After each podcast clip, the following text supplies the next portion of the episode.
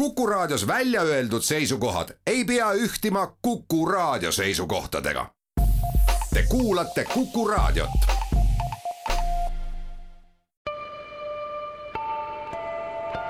ilmaparandaja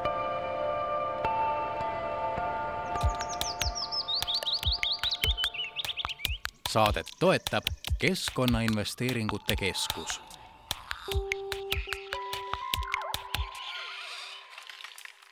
tere, head Kuku raadio kuulajad, kell on mõni minut kaks läbi, on laupäeva pärastlõuna eetris, on selle nädala ilmaparandaja saade, mina olen saatejuht Mart Valner. tänases saates äh, räägime erinevatel teemadel, mis lähevad laias laastus kõik kliima alla. räägime sellest, et Äh, TalTechis avatakse uus äh, kliimaõppesuund, äh, räägime sellest, mis asi on paleoökoloogia ja kuidas kliimamuutusi ajaloos saab tänu meie taimedele uurida, aga alustame sellest, kuidas eestlased üleüldse kliimamuutustesse suhtuvad, nimelt just sel nädalal tuli uus Eurobaromeetri uuring välja, kust me näeme, et eestlased on väga skeptilised kliimamuutuste teemadel. Kui näiteks kaheksakümmend viis protsenti eurooplastest arvab, et kliimamuutuste vastu võitlemine võib aidata ja parandada nende tervist ja heaolu, siis Eesti vastajatest on sellega nõus umbes kuuskümmend protsenti Äh, mis on ikka oluliselt madalam, aga et seda teemat natuke avada ja rääkida, miks ja kas me peaksime selle üle üldse muretsema ja miks see seis meil selline on, mul on hea meel, et minuga on nüüd see inimene, kes Eestis rohepöörde eest vastutab riigikantselei äh, jah, rohepöördest vastutav inimene, Kristi Klaas, Kristi, tere päevast! tere päevast! no Kristi, kõigepealt, kas, kas see on murekoht, et eestlased väga ma ei, kuidas öelda, tagasihoidlikud või skeptiliselt kliimamuutustesse ja me saame ka pärast siia süveneda ka kõike sellesse, mida rohepööre meile tuua võiks, äh, suhtuvad? Ma arvan, et seal on ilmselt mitu tahku, kui vaadata läbi aastate neid äh, uuringuid, kuidas inimesed kliimamuutustest aru saavad ja kuidas nad sellesse suhtuvad, siis on positiivne trend on see, et aina rohkem saadakse aru, millest me üldse räägime, miks see oluline on ja iga inimene saab siis aru sellest enda rollist ka kliimamuutustest. aga loomulikult, kui me võrdleme ennast teiste riikidega, siis me näeme, et seal on äh, märkimisväärne vahe sees aga võib-olla nagu ongi hea nagu mõelda, et miks äh, selline vahe on või miks sellised, sellised äh, numbrilised erinevused selle uuringutes välja tulevad, et kui me nüüd võrdleme näiteks Eestit, ma ei tea, kas või mõne Lääne-Euroopa riigiga, eks ju, äh, kellel kliimamuutused tegelikult on ukse ees, et me juba praegu Prantsusmaal on nelikümmend kraadi sooja, Hispaanias nelikümmend kraadi, eelmisel aastal üleujutused, mis Belgias ja Saksamaal toimusid siis seal inimestel on väga-väga selge, et need kliimamuutused ongi kohal, et nad näevad seda enda, enda elu peal. ja, ja seetõttu ma usun, et nad on ka nii-öelda otsivad seda informatsiooni rohkem, miks sellised muutused on tekkinud ja seda informatsiooni on ka lihtsam selgitada ja inimesteni viia, et vot, et mis see põhjus-tagajärg seos siis ikkagi on ja millised need tõenäosused siis on, et sellised sündmused veel juhtuvad kui me Eestit vaatame, siis taolised, taolisi muutusi ei ole ju igapäevaselt nii täpselt näha. et kliimamuutused tegelikult mõjutavad meid päris oluliselt ja siin Läänemere piirkonnas on ütleme, temperatuur kiirenenud tegelikult, temperatuuri kasv on olnud kiirem kui teistes piirkondades, aga, aga ta ei ole selline igapäevane, eks ju, et noh, meil mm. ei ole selliseid kuumalained juba siin kevadel kohal, et me peaksime muretsema ja nii edasi. ja, ja ma usungi, et, et see nii-öelda akuutsus Lääne-Euroopas ilmselt on, on, on, on seal ja seetõttu on ka nagu lihtsam seda inimesteni viia. et me peaksime rohkem äh, teavitustegevusega tegelema ka Eestis, aga kuigi mulle isiklikult võib-olla tundub, et äh, sellist äh, suurt kliimamuutuste teemast rääkimist, et ühel hetkel saab inimestel villand, et täpselt kui see sõnumid ei ole väga hästi seatud ja, ja, ja kui see tegelik muutus ikkagi ukse ees ei ole, siis ikkagi lõpptulemusena keegi kusagil räägib ja, ja jääbki see tunne, et noh, kaua nad räägivad, lõpetage ära juba. ma, ma, ma ei kujuta ette, kas meil on vaja väga suurt äh, riiklikku äh, PR-hanget jälle, et, et ka kogu äh, kliimateemaga tegeleda, mis on väga lai teema muidugi loomulikult. ma olen täiesti nõus, et teadlikkusest hakkab kõik tegelikult peale ja kui ma nüüd võrdlen jälle siin Lääne-Euroopa riikidega näiteks, siis seal see teadlikkus ja harimine inimestel algab juba lasteaiast ja koolist peale, eks ole, kuni siis täi-, täiskasvanute teadlikkuse tõstmiseni välja viia. ja Eestis samamoodi, eks meil on ju ka keskkonnaharidusprogrammid, mis meil on õppekavadesse sisse viidud, aga tõepoolest teadlikkus on, on madalam ja ma võib-olla nagu tooks siin selle paralleeli, et et Lääne-Euroopas võib-olla see teadlikkus, eks ole, me rääkisime sellest akuutsusest, kuna keskkonnaprobleemid on ukse ees, seetõttu on see neile nagu rohkem ka nii-öelda ihulähedasem ja hingelähedasem teema, aga mida teistes riikides inimesed ka väga selgelt tajuvad ja ma usun, et see Eestis äh, juhtub ka aina rohkem, on see, et et need investeeringud tegelikult, mida me ju teeme kliimamuutuste pidurdamiseks, äh, sinna võib üsna niisugune rasvase võrdusmärgi panna elukeskkonna paranemise vahele. et, et kui me investeerime, eks ole, sellesse, et me ei, ei saasta transpordiga nii palju õhku, noh, kui me vähendame selle läbi ka müra linnakeskkonnas, kui me rajame haljasalasid, siis tegelikult see ju kõik muudab elukeskkonna ka paremaks. ja, ja ma arvan, et seal Europarameetris olidki niisugused iga, iga niisugune huvitava nurga alt neid küsimusi mhm. küsitud ja ma arvangi, et, et Eestis võib-olla see teadlikkuse kasv võib-olla peakski selle nii-öelda fookuse panema pigem võib-olla sellesse, et, et see on meie elukeskkonna või elukvaliteedi parandamise investeeringud äh, ka suuresti. ja, ja siis selle läbi on võimalik juba inimestele selgitada ka seda loodusele tehtavat mõju ja kliimale tehtavat mõju, et et eestlased ei vaata seda keskkonna parandamist kui võitlust kliimamuutustega ja seetõttu ei, võib-olla ei mõista seda kui võitlust kliimamuutustega, on see jah, ma arvan, et nad ei, ei mõista seda seost võib-olla nii hästi, kuigi kui me vaatame, et sest me kuuleme kogu aeg, et see juhtub, eks ole, kuskil mhm. mujal, eks ole, ta ei ole meile nii lähedal ja seetõttu võib ka jääda mulje, et me ei pea sellega kohe tegelema, eks ju, et kui me siin, ma ei tea, kas või paralleeli tõmbame selle julgeolekukriisiga, mis meil praegu on, eks ole, niikaua kui see sõda või sõjaline konflikt on kuskil kaugel, siis me ei tunneta ohtu endale, eks ole, niipea kui ta tõmbab, nii-öelda see ring tõmbab koomale, me käitume kohe teistmoodi. et noh, keskkonnaprobleemidega ilmselt on samamoodi, et niikaua, kuni ei ole meil juhtunud mingisugust suurt äh, keskkonna nii-öelda ongi kliimamuutustest tulenevalt, ma ei tea, kas siis ma ei tea, kuumalainet, mis põhjustab väga palju ebamugavusi ja, ja surmajuhtumeid või, või mingeid muud tagajärgi, või metsatulekahjud, mis on väga laastavate tagajärgedega, et niikaua me ei, ei taju võib-olla seda teema akuutsust, eks ju. aga, aga noh, ütleme, seda teadlikkust ja me peame selle teemaga tegelema, ma arvan, seda, seda teadlikkust äh, on juba ühis, ühiskonnas nagu päris palju. Aga just on see, et kui kiiresti me peame selle tegema, milliseid investeeringuid me, me peame mhm. tegema ja kuidas see laiemalt siis meid ikkagi nagu ka majanduslikus mõttes mõjutab. et see on ka võib-olla detailides läbi rääkimata ja, ja seetõttu kõik uus, kõik see, mis tundub kuskil kaugel, tundub natukene hirmutav jah, no muidugi kuulates ka teadlaste raporteid, siis sellel hetkel, kui me hakkame tegelema siis, kui see asi, kui, kui kliimamuutustest tulenevad suured probleemid meile kohale jõuavad, on nii-öelda globaalses mastaabis juba võib-olla natukene hilja nende, nende probleemidega tegelema hakata. aga kogu, kui me liigumegi kogu seda äh, rohepöörde poole peale, millega justkui tegelikult teie kõige rohkem äh, tegelete, siis pikas perspektiivis võib taastuvenergia kahandada hinda, mida energia tarbimisest tuleb maksta, on selline väide, mida Euroopa Liidus keskmiselt usub kaheksakümmend üks protsenti inimesi, Eestis ainult kuuskümmend kolm, ehk siis meil on kas, kas, kas see on see taak, mis tuleb meil sellest, et me oleme sõltumatu, aga väga reostava energiamajandusega riik ja me kuidagi raskelt ei, ei taha sellest loobuda kogu oma põlevkivi teemast, et me ei usu, et äh, taastuvenergia toob meile samasuguse majandusliku kasu tagasi? no ma arvan, et selle eraldi väga huvitav uuring oleks see, see, et miks inimesed just mm -hmm. nii vastavad, nagu nad vastavad. aga ma usun küll, et äh, et üks, üks pool võib-olla mm, ongi kogu energeetika puhul jah, põlevkivi kasutamine ja see, et ta, ta on pakkunud meile nii-öelda seda Äh, kindlust, eks ole, et me saame elektrit äh, igal hetkel toota, et see kindlasti mõjutab.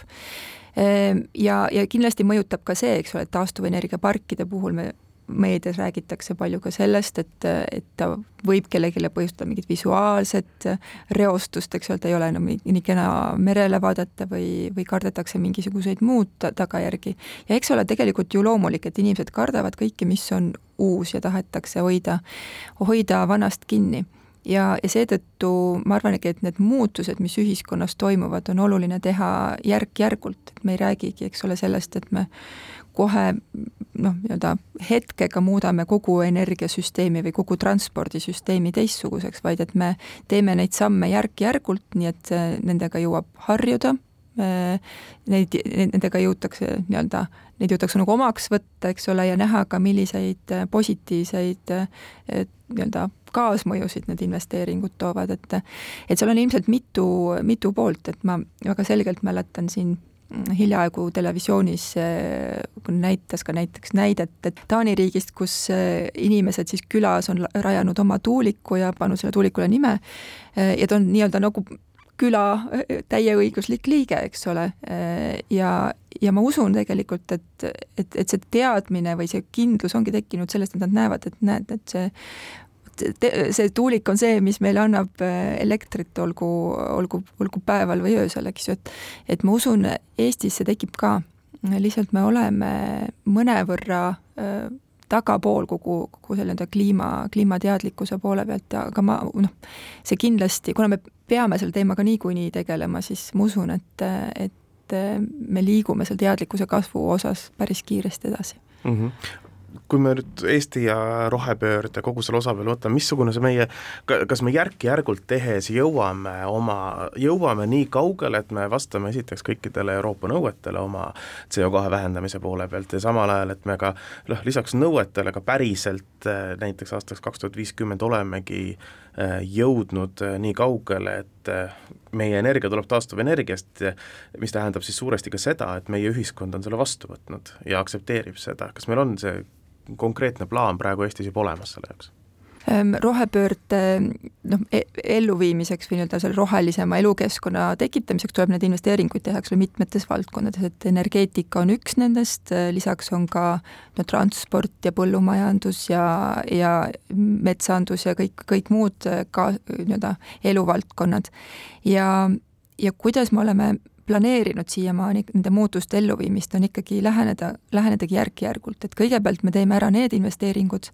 mis on nii-öelda kõige lihtsamad, mis on võib-olla kõige odavamad, aga toovad kõige suuremat äh, nii-öelda kasu, eks ole, looduse mõttes kaasa. ja ma arvan, et see on igati loomulik selline investeeringute planeerimise viis aga, aga selge on see, et äh, kui me vaatame äh, nii-öelda neid eesmärke, mis meil keskkonnavaldkonnas on, äh, siis me peame sellest investeeringute plaanist, mis me nüüd paika oleme pannud ja mida me peame kindlasti ka koha, kohandama vastavalt siis uutele eesmärkidele, me peame sellest täiesti kindlasti kinni hoidma, me ei saa Äh, me ei saa mõelda, et see on midagi, mis äh, tuleb meil võib-olla mingite muude prioriteetide kõrval mängu siis, kui, kui, kui aega on või tahtmist on, aga ta on äh, akuutne teema, mille puhul ma arvan, maksab päris võib päris valusasti kätte maksta, kui me neid investeeringuid juba tegema ei hakka, vaid me võime, viie või seitsme aasta pärast olla olukorras, kus meil on väga-väga äh, palju keerulisem neid, äh, neid investeeringuid teha ja siis me mõtleme, et miks me juba varem ei reageerinud, et et see paralleel võib-olla on seesama energiainvesteeringutega, eks ju, et et noh, suuresti see olukord, mis meil praegu, praegu on, on tingitud ka sellest, et meil ei ole nii piisavalt taastuvenergia võimsust, et, et taastuvenergiat toota. ja, ja ütleme, et noh, tagantjärgi mõeldes me mõtleme küll, et kui me oleks kümme aastat, eks ole, nüüd taastuvenergiat aktiivsemalt arendanud, siis meil oleks praegu palju parem olla. aga, ja samamoodi ka teistes valdkondades, et me peame nendest investeeringutest kinni hoidma, nii-öelda plaanist kinni hoidma, mis me oleme ette näinud, ja, ja, ja ma usun, et nii-öelda kui me sinna teadlikkusse tagasi hüppame, eks ju, et et selle juurde peab siis ka noh, väga selged, nii-öelda selged plaanid ka kommunikeerima inimestele, et miks me neid samme teeme ja, ja ütleme, et näitama, mis on see lühike plaan, keskpikk ja pikk plaan ja kuhu me siis välja jõuame mm. -hmm. Rohepööre on keskkonnale vaieldamatult kasulik, äh, kui me vaatame pikas plaanis, äh, kas rohepööre on majanduslikult kasu või, või kahju? no mina olen veendunud, et rohepööre on majanduslikult kasulik ja ütleme, et kui me vaatame lühiajalises plaanis, arvestades neid investeeringuid, mis meil on vaja teha, võib väga kergesti jääda mulje, et me teeme investeeringud, aga me ei saa sealt midagi tagasi. aga kui vaadata kõiki neid majandussektoreid koos ja, ja vaadata seda, kuhu ülejäänud maailm liigub äh, nii-öelda majanduslikus mõttes ka, milliseid tooteid või teenuseid ettevõtted üle maailma arendavad ja, ja, ja pakuvad, äh, siis noh, ütleme, nii-öelda see kogu majanduse struktuur liigub sellise rohetehnoloogia täiesti teistsugust tüüpi teenuste poole. Ja, ja ma väga-väga loodan seda, et, et me Eestis mõtleme välja ka nii-öelda sellise äh, nii-öelda majandusliku teekonna selle rohelise, rohelisema maailma poole, mis, mis toob meile tegelikult lõppkokkuvõttes suurema kasu, suurema nii-öelda lisandväärtuse kaasa, kui ta siiamaani on toonud. jah, noh meil õnneks äh, rohetehnoloogia äh, ettevõtete poole peal on Eestis ikkagi päris heal tasemel ja seda, seda arendatakse, arendatakse kiiresti, eks siin kehtib, kehtib ikkagi seesama vana tõde, et ühel hetkel me kasutama peame ja kui me need ise oleme välja arendanud, on see odavam kui neid samu teenuseid ja tooteid, mis kuskil mujal on välja arendatud, sisse osta, eks ole. Täpselt nii ja kui, kui me vaatame seda uuringu tulemust ka, et et seal oli ka huvitav protsent toodud, et kuuskümmend neli protsenti, kui ma nüüd õigesti mäletan, eks ju, et siis inimestest tõi välja, et, et rohetehnoloog-, nii-öelda, et rohetehnoloogial ja, ja, ja innovatsioonil on roll, eks ole, sellel nii-öelda kogu kliimamuutuste äh, protsessis. Ja miks see nii on, sest tegelikult, eks ju, Eesti on innovatiivne riik, me oleme, meil on palju nii-öelda ongi alustavaid ettevõtteid, sellest räägitakse palju, nad toovad ülemaailmselt tuntust ja see tekitab inim-, noh, inimestes ka sellise usalduse, et näed, et, et noh, see ongi see nii-öelda meie tugevus, eks ole, mida, mida ütleme, oskuslikult ära kasutades, eks ju, me saame ka kliimamuutustega võidelda, et see nii-öelda teadlikkuse uuring nagu seda tendentsi päris selgelt mm -hmm. nagu kinnitab, et et ja mis on positiivne näitaja, ma ütleks. absoluutselt, usume siis oma rohetehnoloogiasse. Kristi Klaas, aitäh täna tulemast ja natuke seda teemat avamast! suur tänu! ilmaparandaja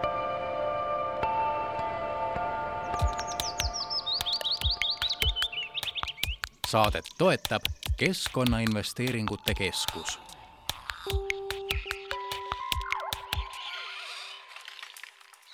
jätkame nüüd ähm, ilmaparandaja saadet äh, natukene teistel, aga ikkagi kliimaga äh, seotud teemadel uurime kindlasti, mis asi on paleökoloogia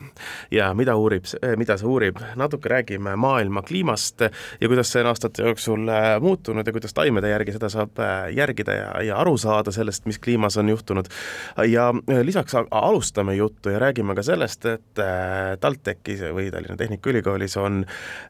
uus õppekava, mille nimi on Maasüsteemid, kliima ja tehnoloogia ja mul ongi hea, et selle õppekava programmijuht ja paleökoloog Leeli Amon on meiega täna täna stuudios, Leeli, kõigepealt tere päevast! tere! alustame siis võib-olla mõnes mõttes lihtsamast otsast, alustame sellest õppekavast, konkreetne asi, millest, millest rääkida või mis ajendas teid sellist õppekava tegema, ma saan aru, et see on nii-öelda muudatus juba olemasolevatest asjadest? just, uus õppekava siis lisaks praegustele teemadele keskendub ka laiemale loodusteadusele, ehk siis lisaks maapõue ressurssidele oleme me võtnud endale juurde teemasse ka meresüsteemid, mereteadused, atmosfääriteadused, kliima et nüüd me võimegi siis julgelt öelda, et meie uuendatud õppekava tegeleb kõikide teemadega siis maa tuumast kuni stratosfääri ülemise piirini. et kosmoses võtavad siis rakendusfüüsikud ehk meie naaber eriala üle. kas bakalaureuseõppes on võimalik õpetada inimesele selgeks kõik maa tuumast kuni äh, kosmoseni? Ütleme niimoodi, et me anname ülevaate, aga tegelikult siis äh, kuna meil on päris suur äh, valikuvabadus tudengitel, et siis nad saavad juba teisest kursusest alates valida, et kuhu nad tahaksid rohkem spetsialiseeruda. et nad saavad valida endale siis, kas nad tahavad minna näiteks kliima peale, vaadata näiteks äh, inimtegevust, keskkonnamõju hindamisi, kas nad tahavad tegeleda mereteadusega või siis tegeleda näiteks mäetehnikaga. väga, väga huvitav spetsialiseerumine, ma saan aru, et te üritate kuidagi integreerida või seda taustsüsteemi sinna luua, et kõik kõik on tegelikult omavahel seotud ja seda nii-öelda läbi selle kliima osa siis näiteks? just, kuna ongi meie nägemus või noh, üldine nii-öelda teaduslik nägemus on see, et äh, maa kui tervik, mida me siis äh, üritame kultiveerida oma selle uue õppekavaga, kuna tegelikult on ju kõikidel vaja teada täpselt sedasama, nagu, nagu te ütlesite, et taustsüsteemi. kuidas mingid asjad äh, muutuvad, kui ühes sfääris muutub midagi, siis tegelikult see paratamatult mõjutab ka neid kõiki teisi, mis seal ümber on. ja nüüd äh, inimene tuleb sinna õppima, on kolm aastat õppinud, äh, valinud endale teisel aastal, eks ole, siis selle suuna, kas ta läheb kliima poole, läheb ta mäetööstusesse, läheb ta merendusse, mis edasi, kuhu, kuhu sellise haridusega, mina tean, kuidas kliimasüsteemid muutuvad, mida ma selle haridusega peale hakkan? no seal on ju, võib kindlasti edasi jätkata magistris, et saada endale nii-öelda rohkem sellist äh, erialast pagasit, aga samamoodi siis äh, inimesi oodatakse ka näiteks äh, kui on näiteks keskkonnataust ja kliimataust, eks ju, on äh, erinevad riigiasutused äh,, Äh, siis üle maailma saab minna näiteks teadust tegema erinevatesse kohtadesse, et tegelikult meie haridus on väga konkurentsivõimeline iseenesest Euroopas, maailmas. Kui, kuidas üldse see haridus on meil Eestis muutunud, ma, kui me vaatame TalTechi ka kindlasti ju eh, näiteks läbi Mektori, mis on teil, eks ole, seal suur innovatsioonikeskus ja, ja ja üleüldse haridussüsteemi, kus äh, me, me näeme äh, ühiskonnas väga suurt tehnilist innovatsiooni, ütleme viimase viie aasta jooksul, kas see jõuab ka haridusse sisse? See vägagi jõuab ja tegelikult äh, kui ma nüüd jõuan tagasi sellesama, et miks uus õppekava, siis ongi seesama, et äh, see ühiskonna ootus on tegelikult hoopis, ta on, ta on muutunud selle, nagu te ütlesite, viimase viie aasta jooksul mm. -hmm. nüüd me üritamegi selle soovi ja selle muutusega kaasas käia Mektori kaudu on näiteks praegu käimas äh, väga suur, uus nii-öelda suur projekt, kus siis äh, tegelikult äh, ettevõtjad saavad tulla näiteks erinevate instituutide juurde ja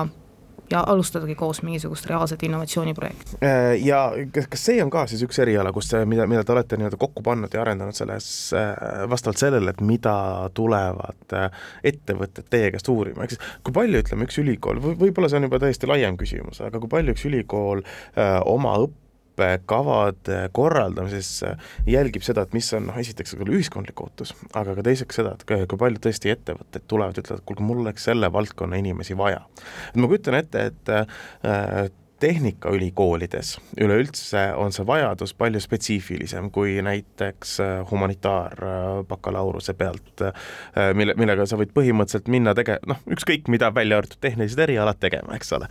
et äh, tehnika poole peal või tehnikaülikoolide poole peal üleüldiselt see vist on oluliselt spetsiifilisem vajadus nende inimeste järgi, ehk siis kui palju käib neid ettevõtteid, kuulge, et noh, meil oleks väga neid mäetehnolooge vaja või, või kas teile tuli keegi,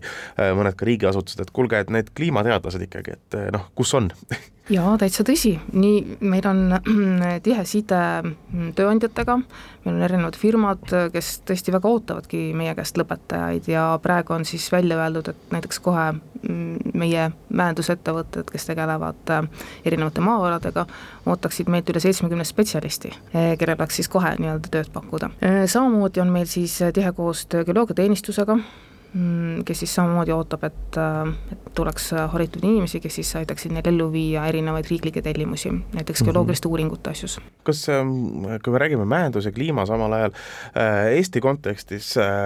mis on üks kliimamuutustesse suuremaid panustajaid, siis CO2 heite poolest per inimene, mis tuleneb suuresti meie põlevkivi energeetikast, Äh, kas, kas need ei ole omavahel kuidagi konfliktsed äh, teemad, et rääkida sellest äh, kaevandusest ja kaevandamisest ja kliimamuutustest nii-öelda samal ajal? aga tegelikult on need ju täiesti ühe asja kaks erinevat tahku, et, et noh, ütleme nüüd minu öö, nägemuses on, on ilmtingimata vaja nendel mõlemil nagu teada seda, sest kui sa oled hea mäeinsener, sa peaksid ka teadma tegelikult seda keskkonna ja kliimamõju, mis mm -hmm. sinu tegevus võib kaasa tuua. aga mis on nüüd suur suundumus, on siis nii-öelda praktiliselt jäätmevaba kaevandamine, mis siis peaks andma nii-öelda oma hea panuse ka äh, keskkonna heakorda. ehk siis äh, tulevikus või isegi juba praegu on erinevaid tehnoloogiaid, mis siis seni nii-öelda kõrvale heidetud materjali, nii-öelda aherainet siis suudab kasutada reaalse toormena uuesti mingi muu äh, toote tegemiseks et samamoodi mm -hmm. siis põlevkivi puhul on ju, on ju noh, uus suundumus on see, et et senine aheraine mida, mis oligi lihtsalt ladustati kõrvale. et siis praegu on äh, näiteks Ragnar Selles hakkab sellest tootma kaltsiumkarbonaati, mida saab siis kasutada kipsiaseainena või näiteks erinevates värvides, värvitööstuses. samamoodi siis äh, teine hea näide on see, et põlevkivist nii-öelda robustselt seda ei panda energeetikasse ehk ei aeta ahju, vaid sellest siis oli just hiljuti uus artikkel, kuidas TalTechi siis põlevkivikeemikud hakkavad tootma sellest igarboksüülhappeid, mis on siis äh, tooraine keemiatööstusele, et sellest saab toota näiteks nailonit ma tean, et Eesti Roheline Liikumine siin mõni aasta tagasi tegi niisugust äh, põlevkivist väljumise arengukava aastaks kaks tuhat kolmkümmend, mis nagu suure tõenäosusega ei juhtu, aga aastaks ütleme kaks tuhat viiskümmend suure tõenäosusega me oleme põlevkivist väljunud ikkagi, kas, kuigi me jällegi oleme väga spetsiifiliselt põlevkivi peal, et ses suhtes ega mäeinsenerid kaevandavad ka muid asju ja ja, ja, ja tehakse muid asju ja kaevandada on vaja ka näiteks tunneleid ja, ja kõike muud, eks ole, et loomulikult me ei räägi ainult põlevkivist, aga ikkagi kuidagi natuke see noh, et kui me ühe küljega räägime nii-öelda põlevkivist väljumisest ja kaevandamise vähendamisest, kas on aus õpetada inimesi selle eriala peale välja? võib-olla see on natuke provotseeriv küsimus loomulikult provotseeriv kindlasti, aga teisalt, nagu ma ütlesin, siis tegelikult see põlevkivi on toormeks ka muudele toodetele, ehk siis ta ei lähe nii-öelda puhtalt mm -hmm. CO2 peale ja, ja teiseks võib ka öelda, et päris paljud lõpetajad, keda ma nüüd olen vaadanud viimastel aastatel, et nemad lähevad hoopis ehitusmaavarade kaevandamisesse, ehk siis äh, liivkruus, paekivikild, seda, mida meil on vaja, eks ju, äh, teedesse, ehitusmaterjalideks tulevasse Rail Balticu tammi näiteks mm, -hmm. kuidas seda ehitada, et ikka meil on, et, et tegelikult see on ka äh, mõnes mõttes isegi keskkonnasäästlikkuse aspektist äh, väga tugev argument, kui me kaevandame seda asja siin kohapeal, ilma et me peaksime hakkama tegelema veel transpordiga ja sellele kuluva kõik kütuse ja tööjõu ja kõige muu sellisega. seda kindlasti, kui on -hmm. nii-öelda keskkonnauuringud tehtud ja kaevandamine on ohutu ja noh, loomulikult selleks, et neid keskkonnauuringuid teha, peab olema jälle pädevalt ja välja õppinud äh,, välja õppinud teadlased seda seda kõike, seda kõike tegema. Äh, väga tore, ühesõnaga uusi kliimamerendus- ja, ja, ja ka kaevandusspetsialiste oodatakse, räägime, kui me korra selle eriala jutust veel, veel mm -hmm. võib-olla siis kokku võtame, kuidas mm, -hmm. kuidas kandideerida, keda te üldse ootate sinna? me ootame sinna äh, tublisid loodushuvilisi noori, kes siis äh, tunneksid huvi selle vastu, kuidas nii-öelda lai, sõna otseses mõttes kõige, kõikvõimalikust laiem loodusteaduslik maailmapilt siis kokku viia inseneeriaga, viia kokku digipöördega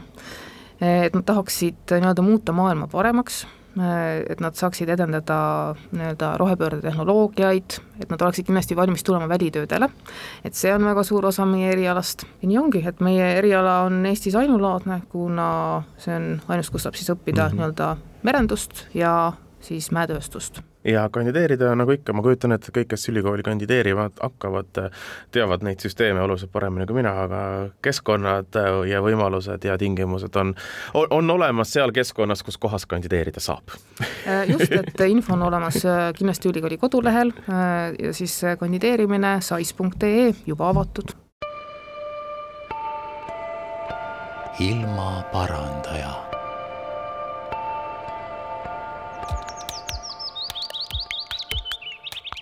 saadet toetab Keskkonnainvesteeringute Keskus.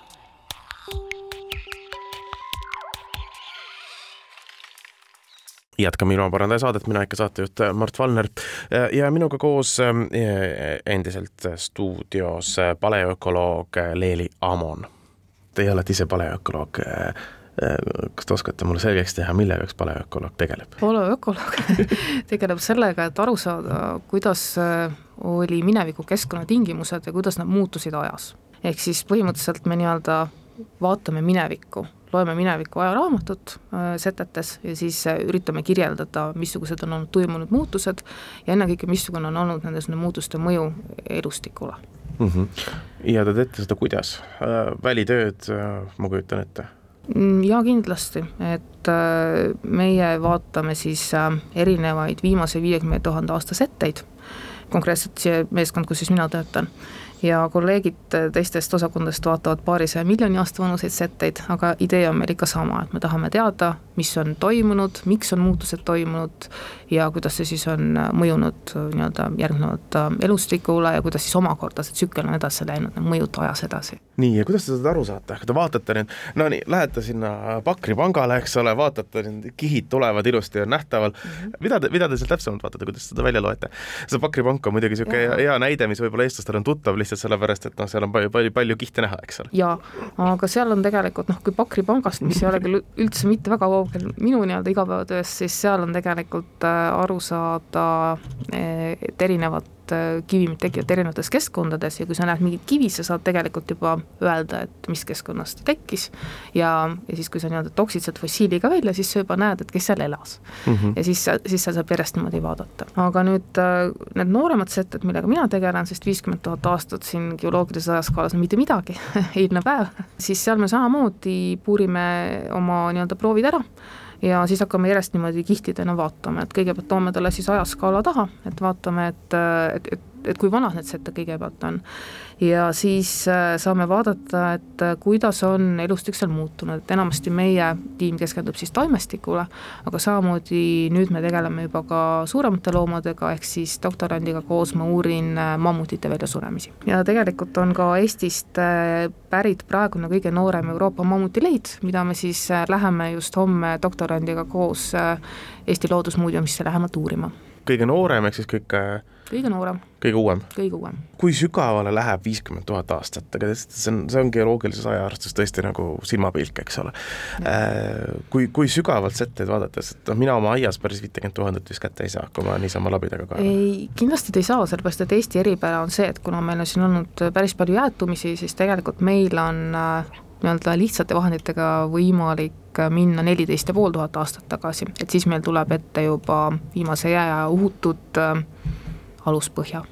kivimid, ehk sealt mm, -hmm. need, need lähevad juba paarisaja miljoni peale. aga viiskümmend tuhat äh, ma ütlesin välja sellepärast, et teine uurimisala on meil Lääne-Siberis ja seal me siis tegeleme umbes sellise vanusega. aga ikkagi labidaga päris ei lähe? see jääb ikka sügavamale? tegelikult oleneb nagu labidamehest, ma arvan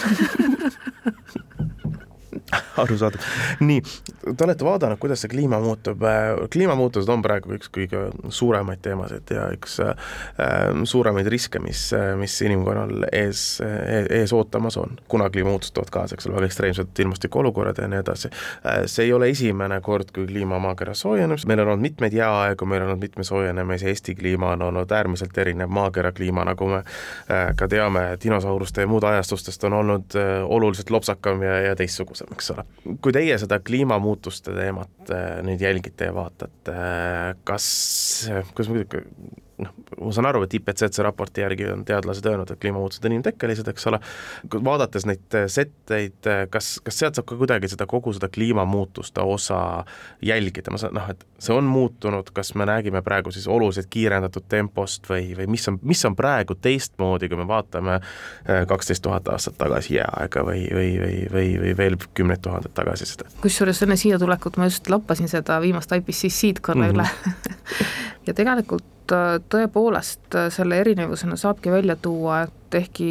mm, kliima on muutunud maaelu jooksul pidevalt, äh, siis praegu on see muutus väga kiire. ehk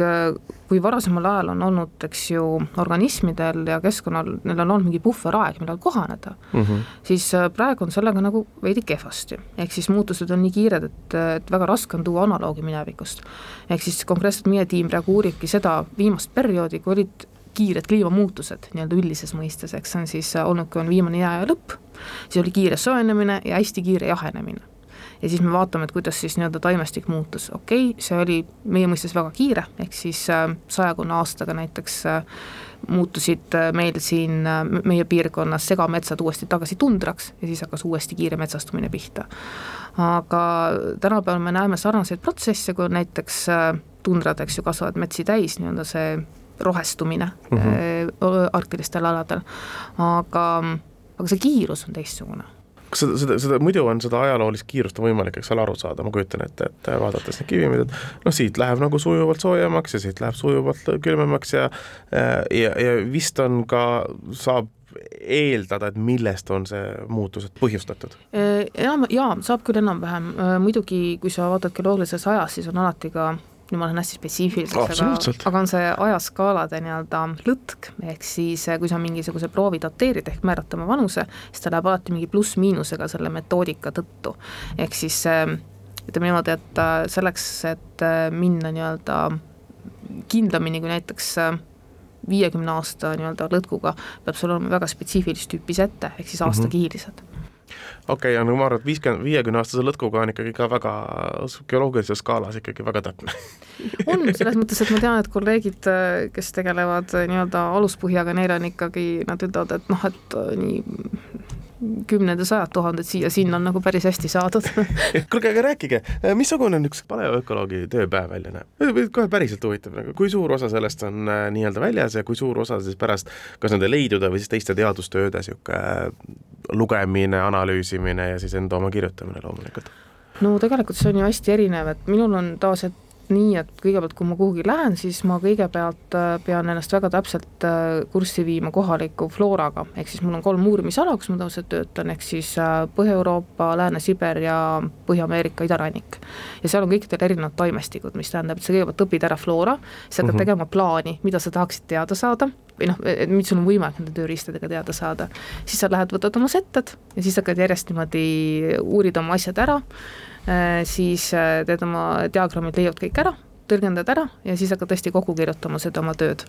et niisugust äh, ma ütleks, et välitööde aega on niisugune kakskümmend protsenti, siis äh, labori aega on ka,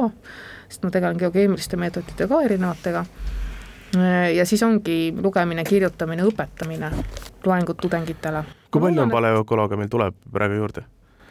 praegu väga palju, väga palju ei tule. Aga ma usun, et, et kui seda asja suuta huvitavalt rääkida ja näidetega nii-öelda varustada, siis tegelikult see võib, see võib päris huvitav olla. et enamasti ma püüangi inimeste tähelepanu mammutitega ära ja siis ma saan juba muu juttu ka juurde müüa. Mammutid on siis sellised kuidagi ajaloo või, või, või niisuguse kivististe uurija, huvilise noore niisugune äh, kõige ägedam asi, mida uurida noh, et ta niisugune suur ja noh. no ma arvan, kas see nüüd kõige ägedam on, aga tegelikult aeg-ajalt ikka Eestis on neid leide ju leitud, et äh, lähedki kuskile karjääriservale ja, ja leiadki puha või mm -hmm. mingisuguse tüki või hamba ja näiteks mm -hmm. või midagi ja tegelikult see on ju minu meelest väga lahe leid iseenesest, kui sa leiad mammuti hamba, need noh, niisugused päris huvitavad välja tegelikult, niisugused sakilised ja niisugused mm -hmm. omamoodi. aga ma arvan, et kui oleks ikka niisugune päris niisugune, niisugune tõsine geoloogia huviline, kes tahab tegeleda ikka aluspõhjakivimitega, ma arvan, et talle oleks ilmselt trilobiidid huvitavamad suure tõenäosusega küll, jah. nii, aga, aga teie võtate siis äh, tähelepanu mammutitega ja siis hakkate uurima taimi hoopis? Äh, tegelikult on vastupidi, aga äh, kui nüüd siin omavahel öelda, siis kui ma räägin inimestele, et ma uurin äh, taimi, siis ma väga suurt tähelepanu ei püüa sellega. samamoodi ma uurin ka seda, kuidas on muutunud atmosfääri tsirkulatsioon ja sellega Aha. ma ei püüa üldse tähelepanu. nii, ja kuidas on muutunud atmosfääri tsirkulatsioon ja miks me seda peame teadma? see on tegelikult oluline sellepärast, et kui tänapäeval on ka teada, et noh, kui te vaatate kas või ilma, ilmakaarti, eks ju, kui ilmateadet öeldakse, kus on madalrõhkkonnad, kus on kõrgrõhkkonnad aga tegelikult, äh, kui me näiteks oli siin suured jääkilbid, eks ju, meie alal, siis me teoretiseerime, et need suured jääkilbid võisid mõjutada nende kõrgrõhk ja madalrõhkkonnade asukohti ja see omakorda mõjutas kohalikku ilma mm. -hmm. ja nüüd, kui me teame, et uuesti võib nii-öelda hakata muutuma kogu ilmasüsteem, siis tegelikult oleks kasulik väga teada, kuidas, nagu see on minevikus toimunud. et kui pikalt see näiteks on aega võtnud, et mingisugune nii-öelda süsteem muutuks ja samamoodi, kas me näeme seda näiteks äh, taimkatte muutustes, kus me näeme seda äh, erinevates isotoopmuutustes setetes, eks ju mm. -hmm. et äh, tegelikult meil on teadmine tuleviku kohta minevikus juba olemas, lihtsalt küsimus selles, kas me suudame selle üles leida, kas me suudame seda lugeda ja tõlgendada see on vana tõde, et äh, ajalugu kordub kogu aeg, eks ole. aga nii on aga kui, kui, kui teadlased uurivad seda praegusel ajal eriti, me tahame teada, kuidas, eks ole, süsteem tulevikus töötab, siis me teame. Äh, kui, kui me räägime sellest, et, äh, et, et meil on kliimamuutuste tõttu äärmiselt suur probleem, kas praegu uuritakse näiteks seda, kuidas ilmastikku muuta sellepärast, et teada, mis tulevikus tuleb, või uuritakse seda sellepärast, et mõelda välja, kuidas me saaksime ise ilmastikku jälle muuta? mina loodan, et keegi väga ilmastikku tulevikku muutma ei lähe aga sest, sest maal on tegelikult väga võimsad, seesamad see maasüsteemid mm, -hmm. mida mhm. me, mida me uurime, mida me tahame siis õpetama hakata, et neil on tegelikult väga huvitavad ja võimsad puhverdussüsteemid, mida me alles üritame mõista, et kuidas nii-öelda planeet suudab enda seda ilmastikku ja enda, enda nagu seda reguleerida mm -hmm. erinevate sfääride kaudu, et kas siis äh, osad äh, lähevad välja ookeanisse, eks ju, seotakse, osad seotakse kivimisse, eks ju, et noh kõik see muutused. aga iseenesest ma arvan, et meie idee on selles, et me pigem tahaksime näha, kuidas on kliima ja keskkonnamuutused mõjutanud, elustikku, sest me oleme osa elustikust ja me tahaksime teada, missugune on meie tulevikumaa tulevikumaailm, kus me peaksime elama, meie järglased peaksid elama, et äh, kas meil on äh, näiteks võimalik oma tegevust kuidagi piirata, et need muutused oleksid väiksemad, et maa kui süsteem suudaks selle ära puhverdada ja kõik jääks normaalsuse piiridesse ka meie mõistes siis ähm, samamoodi oleks hea teada, kui kiiresti mingid muutused on üldse nagu minevikus toimunud et äh, võib-olla selle põhjal ka teha siis mingisuguseid järeldusi. et näiteks konkreetselt need asjad, äh, mis meie uurimistöödest välja tuleb paleökoloogidel, et need andmed tegelikult lähevad siis nende kliimamodelleerijatele mm. -hmm. ehk siis needsamad mudelid, mida me näeme, kas üks koma viis või kaks koma viis, et need tegelikult siis ka äh, kalibreeritakse läbi näiteks nendega, mis on minevikus toimunud juba üks koma viis ja kaks koma viis on väga optimistlikud, sest et praegu minu meelest äh, me vaatame äh, kolm koma viis mudelit enam-vähem. no jaa, ma ei tea, seal viimases Swipe'is siis, siis oli veel sellest ühe koma viiest juttu korra. Äh, see oli see lootus, et see kui lootus. me, kui me nüüd, kuidas see oli, et kui me nüüd, kui me nüüd teeme kõik kõige drastilisemad plaanid, siis on lootust, et sajandi lõpuks me läheme tagasi ühe koma viie peale mida ei ole realistlikult vist äh, loota, et kolm koma kolm vist oli see, kui, kui riigid täidavad oma, et oma, oma praegu plaani võetud rohekavasid, et äh, teevad kõik natukene paremaks ja kõik nii, nagu on lubatud, mida ka ei ole loota, et siis me oleme selle kolm koma kolm kraadi soojenemise juures. kui ma mäletan seda, seda, seda õigesti, ma võisin ka see on selles mõttes huvitav, et ääremärkusena ka see, et meil eelmine nädal käis just üks äh, Saksa riigiminister käis meil ülikoolis äh, vestlusringi tegemas mm. -hmm ja tema, kusjuures oli selles mõttes optimistlik, et ta ütles, et tegelikult tehnoloogiad rohepöördeks on arendamisel või, või suures osas olemas, aga tegelikult on, et mida ta käib ja üritab nagu selgitada, on see, et poliitiline tahe, et tõepoolest me võtamegi selle jõu kokku ja me teemegi selle ära ja me lähemegi nende uute tehnoloogiate peale mm. -hmm. et, äh, et, et see oli niisugune hästi huvitav hetk, mis, mis mul oli nagu niisugune mõttekoht. hetke sõda Ukrainas võib-olla võib muidugi, vaatame, Euroopas võib kiirendada oluliselt seda üleminekut, vähemalt äh, plaanid sellised on. kuidas teadlaste omavaheline koostöö praegusel ajal, kui te ütlete, et teil on tegelikult üks äh, suur osa teadustööst, eks ole, Venemaal praeguse seisuga see teadustöö, ma noh, ma, ei küsigi, kas te lähete koha peale kaevandama, mida ma eeldan, et ei, ei juhtu vähemalt lähiajal, aga kas kas selline teadlaste omavaheline koostöö valdkondades, mis ei puuduta kuidagiviisi sõda, kuidagi käib või, või on see praegu täiesti ära jäänud? sellega on nii, et äh, tõepoolest äh, Ukraina sõja mõjud on olnud ettearvamatud ka teadusele äh, ja praegu on nii, et et äh, näiteks koostöölepingud on ametlikult katkestatud. ja, ja enne seda kaks aastat oli koroona, mistõttu ka oli vist väga raske käia kuskil midagi teadustööd tegemas, et teadusel on olnud väga keerulised aastad. on olnud jaa, et ähm, täitsa tõsi. Läheb paremaks, on loota ei tea öelda, eks ole. vot seda tõesti ei oska öelda, ma loodan ikka, et läheb, et, et eks meil kõikidel kolleegid Euroopas ka, kellel on olnud uurimisalad Venemaal, et ma olen nendega ka läbi rääkinud ja nüüd me siis äh, püüame leida sarnaseid uurimisalasid kas või ligilähedastegi nii-öelda geoloogiliste klimaatiliste tingimustega, kus siis oma uurimusi läbi viia no on see tehtav, ses suhtes, et äh, okei okay,, ma saan aru, et äh, vöötme vö,, nii-öelda üks, üks, üks kliimavööde läheb üle maakera, eks ole, mhm. teoreetiliselt võiks ju sarnaseid kohti, kohti leida, samas äh, selline kogu see Siberi tundra ja, ja kõik see osa on natuke absoluutselt mitteteadlasest inimesele tundub niisugune äh, suhteliselt unikaalne koht, kus on äh, väga palju ajalugu, sest et me oleme ka kliimamuutuste tõttu kuulnud, kuidas kui sealt sulama hakkab, mis sealt kõik välja võib tulla ja, ja nii edasi, et see tundub niisugune suhteliselt unikaalne koht olevat. ta ongi ja tegelikult ma konkreetselt ise olen ka töötanud materjaliga, mis ongi sealtsamast äh, igiketsast mm -hmm. välja sulanud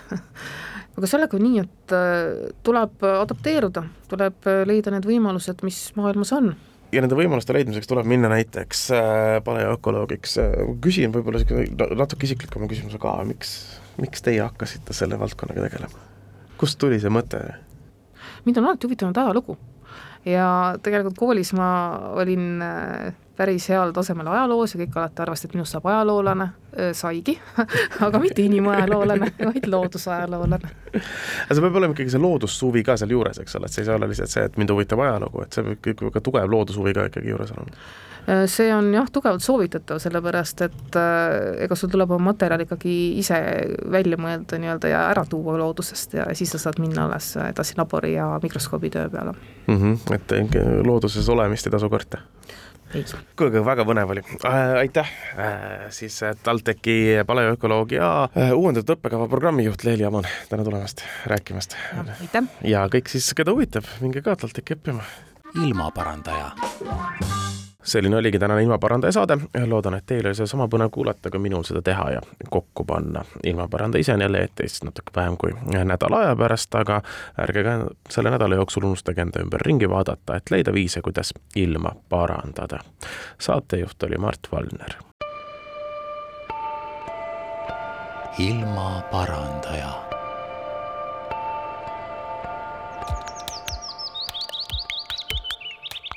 saadet toetab Keskkonnainvesteeringute Keskus.